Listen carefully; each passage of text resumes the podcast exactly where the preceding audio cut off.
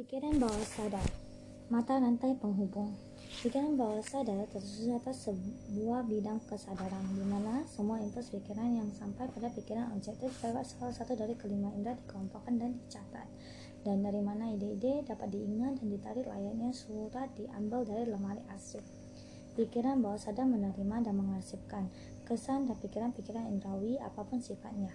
Anda dapat secara spontan menanamkan dalam pikiran bawah sadar Anda rencana, pikiran atau tujuan apa pun yang ingin Anda terjemahkan ke dalam wujud fisik atau moneternya. Pikiran bawah sadar bertindak pertama kali berdasarkan hasil mendominasi yang telah dicampur dengan perasaan emosi seperti keyakinan. Pikiran Pikirkan hal ini terkait instruksi yang diberikan pada bab 2 tentang hasrat. Untuk mengambil keenam maka diuraikan di sana. Instruksi-instruksi yang diberikan pada bab 7 tentang penyusunan dan pelaksanaan rencana dan Anda akan mengerti betapa penting ide yang disampaikan. Pikiran bawah sadar bekerja siang dan malam. Pikiran bawah sadar memanfaatkan daya kecerdasan tak terbatas untuk memperoleh kekuatan yang digunakannya untuk mentransmisikan hasrat seseorang ke dalam wujud fisiknya, selalu lewat media paling praktis untuk mencapai tujuan tersebut. Anda tidak sepenuhnya anda tidak dapat sepenuhnya mengendalikan pikiran bawah sadar, tetapi Anda dapat dengan sengaja menyerahkan kepada suatu rencana, hasrat, dan tujuan yang ingin Anda ubah ke dalam wujud konkretnya. Baca lagi instruksi tentang penggunaan pikiran bawah sadar pada bab 4. Ada banyak bukti untuk mendukung keyakinan bahwa pikiran bawah sadar adalah sebuah simpul penghubung antara pikiran terbatas dan kecerdasan tak terbatas. Pikiran bawah sadar adalah perantara yang dapat seorang gunakan untuk mengambil manfaat dari kekuatan kecerdasan tak terbatas sesuka hati. Pikiran bawah sadar sendiri terdiri atas proses rahasia untuk memodifikasi dan mengubah impuls-impuls menjadi wujud spiritualnya. Pikiran bawah sadar sendiri adalah media penyampaian doa kepada sumber yang mampu menjawabnya. Kemungkinan-kemungkinan usaha kreatif yang terhubung ke pikiran bawah sadar sangatlah luar biasa dan tak terbayangkan. Kemungkinan-kemungkinan tersebut menginspirasi orang secara mengagumkan. Saya tidak pernah mendekati diskusi tentang pikiran bawah sadar tanpa merasa kecil dan rendah diri karena mungkin sebuah realitas bahwa pengetahuan tentang masalah ini sangat terbatas. Kenyataan bahwa pikiran bawah sadar adalah medium komunikasi antara otak yang berpikir dan kecerdasan terbatas itu sendiri adalah sebuah gagasan yang hampir melumpuhkan akal sehat seseorang. Setelah Anda menerima sebagai sebuah realitas keberadaan pikiran yang bawah sadar dan memahami kemungkinan-kemungkinannya selagi sebagai medium transportasi hasrat Anda ke dalam wujud fisik atau uang. Anda anda akan sepenuhnya memahami pentingnya instruksi-instruksi yang diberikan dalam bab 2 tentang hasrat. Anda juga akan memahami mengapa Anda berulang kali diminta membuat hasrat Anda jelas dan menuliskannya. Anda juga dapat memahami pentingnya kegigihan dan melaksanakan instruksi-instruksi tersebut. Ketiga belas asas tadi adalah perangsang yang dapat Anda gunakan untuk memperoleh kemampuan menggapai dan mempengaruhi pikiran bawah sadar Anda. Jangan takut jika Anda tidak melakukan hal ini pada usaha pertama. Ingatlah bahwa pikiran bawah sadar hanya dapat dengan sengaja diarahkan lewat kebiasaan. Berdasarkan instruksi yang diberikan pada bab 3 tentang keyakinan. Anda belum mempunyai waktu untuk menguasai keyakinan. Sabarlah, uletlah. Pernyataan-pernyataan bagus pada bab-bab tentang keyakinan dan autosugesti akan diulang di sini demi pikiran bawah sadar Anda. Ingatlah, pikiran bawah sadar Anda bekerja secara sukarela, entah Anda berusaha mempengaruhinya atau tidak. Ini artinya Anda ber, diberitahu oleh pikiran-pikiran tentang rasa takut dan kemiskinan, serta semua pikiran negatif lainnya. Bekerja sebagai perasa pikiran bawah sadar Anda, kecuali Anda menguasai impuls-impuls tersebut dan memberinya makanan yang lebih baik untuk dicerna. Pikiran bawah sadar tidak pernah kosong. Jika Anda gagal menanamkan rasa di pikiran bawah sadar Anda, pikiran ini akan memakan pikiran-pikiran yang sampai kepadanya akibat kelalaian Anda. Kami sudah menjelaskan bahwa impuls pikiran negatif atau positif sampai ke pikiran bawah sadar secara terus-menerus dari keempat sumber yang sudah disebut pada bab 11 tentang transmutasi seks.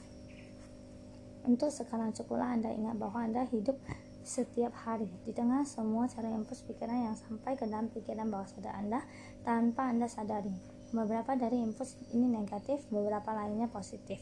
Anda saat ini sedang berusaha membantu menutup aliran impuls negatif dan membantu memengaruhi pikiran bawah sadar Anda lewat impuls positif bernama hasrat. Ketika berhasil melakukannya, Anda akan memperoleh kunci yang akan membuka pintu ke pikiran bawah sadar Anda. Selain itu, Anda akan mengendalikan pintu tersebut sepenuhnya hingga tidak akan tidak ada pikiran buruk yang dapat mempengaruhi pikiran bawah sadar Anda.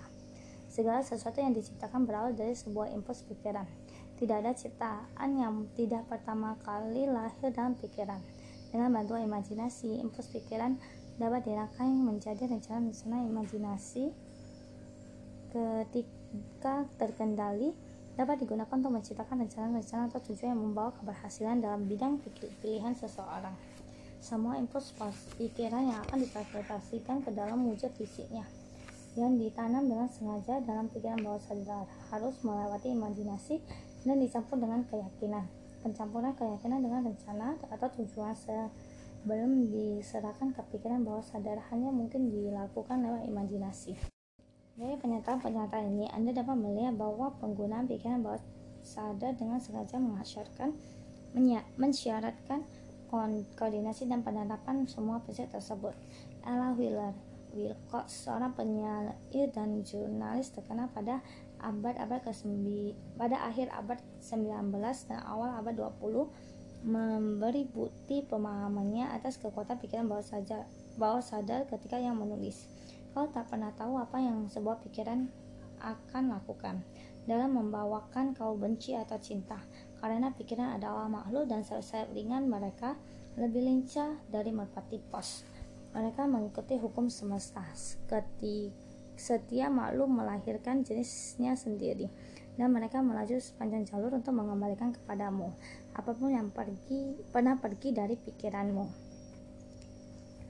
Nona Wilcox mengetahui kebenaran itu karena pikiran bahwa pikiran-pikiran yang telah pergi dari kepala seseorang juga akan melekat erat pada pikiran bawah sadar mereka, di mana pikiran-pikiran semacam itu akan bekerja seperti magnet, pola, dan cetak biru yang untuk memengaruhi pikiran bawah sadar sambil menajamkannya ke dalam wujud fisiknya. Pikiran memang benar mak makhluk. Berdasarkan pemahamannya bahwa segala sesuatu yang bersifat materi pada awalnya berbentuk energi. Pikiran bawah sadar lebih rentan terhadap pengaruh dari impuls-impuls pikiran yang dicampur dengan perasaan atau emosi daripada yang hanya berasal dari kemampuan otak menggunakan akal sehat bahwa ada banyak sekali bukti untuk mendukung teori ini bahwa hanya ide-ide berperasaan yang dapat mempengaruhi pikiran bawah sadar untuk mengambil tindakan. Semua orang tahu bahwa pikiran bawah sadar bereaksi lebih cepat terhadap dan lebih mudah dipengaruhi oleh impuls pikiran yang dicampur baik dengan emosi. Penting mengakrabkan diri dengan emosi-emosi yang lebih penting. Ada tujuh emosi positif utama dan tujuh emosi negatif utama emosi si negatif dengan sendirinya menyuntikkan diri ke dalam impuls pikiran memastikan diri masuk ke dalam pikiran bawah sadar emosi positif harus disuntikan lewat prinsip autosugesti ke dalam impuls pikiran yang akan mempermulus jalan ke pikiran bawah sadar. Instruksi sudah diberikan pada bab 4 tentang autosugesti. Emosi-emosi atau impuls perasaan ini ibarat lagi dalam roti tawar. Karena merupakan elemen-elemen tindakan yang mengubah pikiran dari kondisi pasif ke aktif.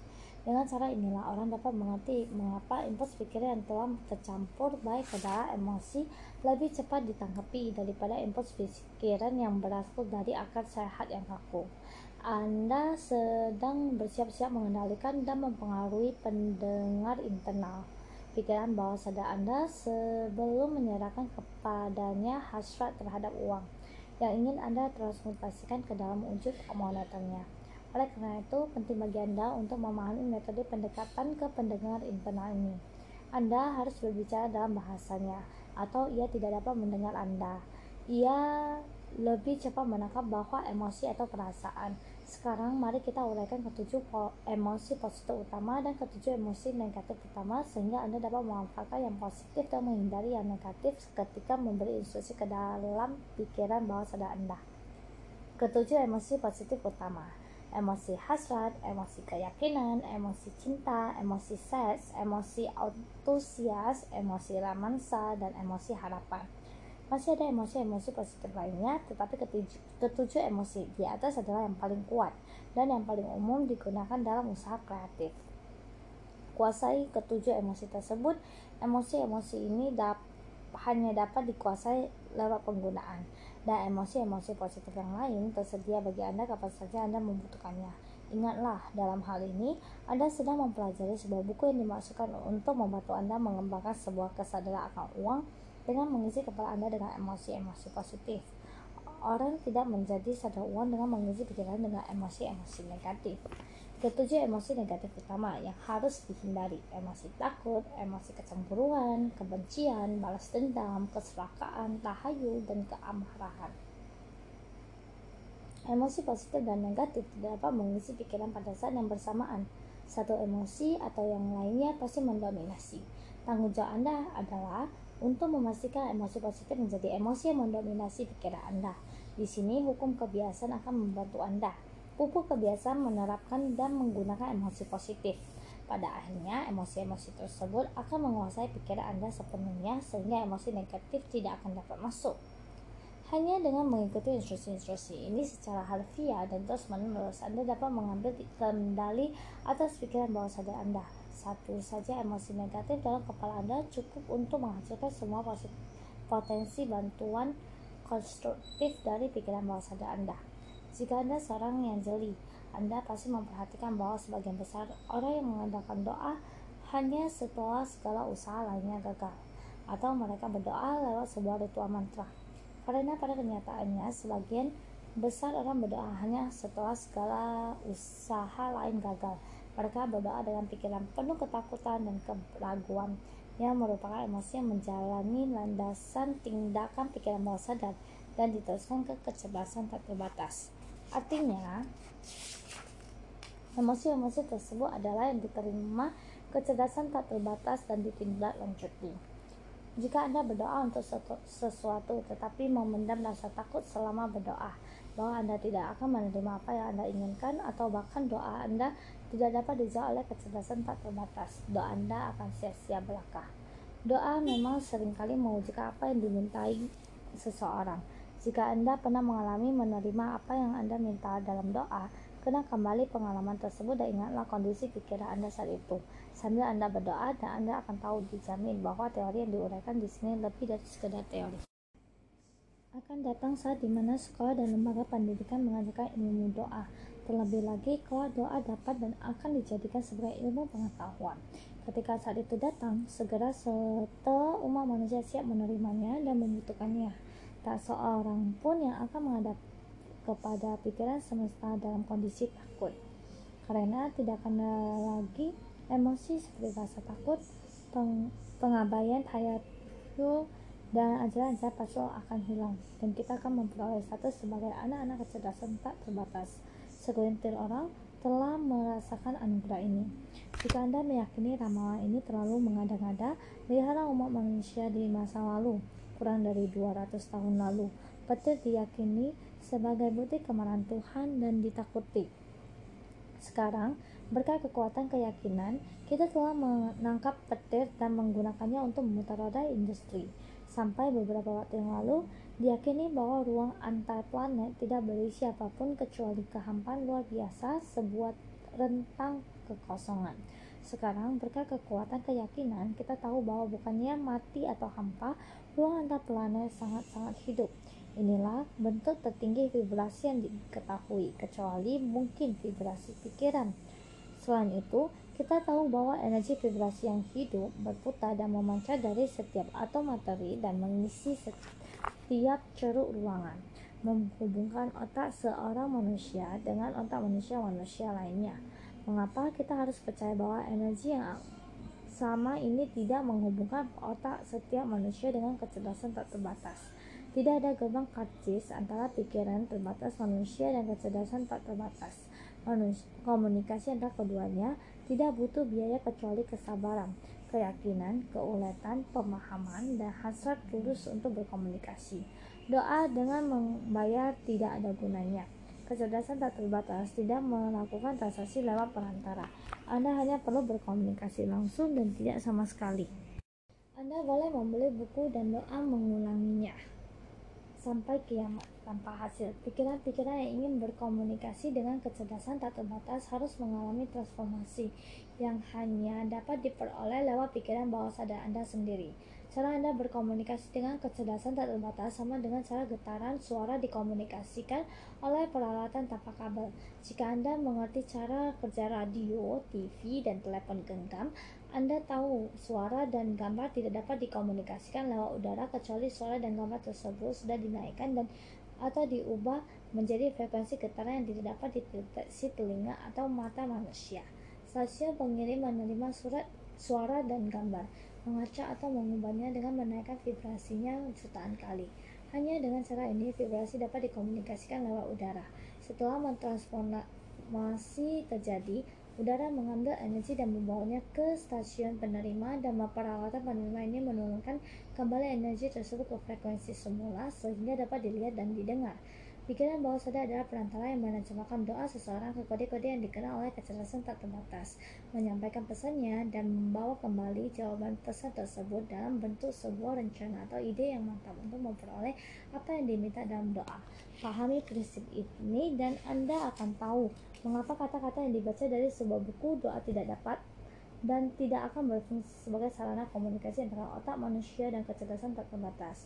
Sebelum doa Anda sampai ke kecerdasan tak terbatas, pernyataan dari penulis saja, doa tersebut mungkin diubah dari vibrasi pikiran awalnya ke dalam kode-kode vibrasi spiritual.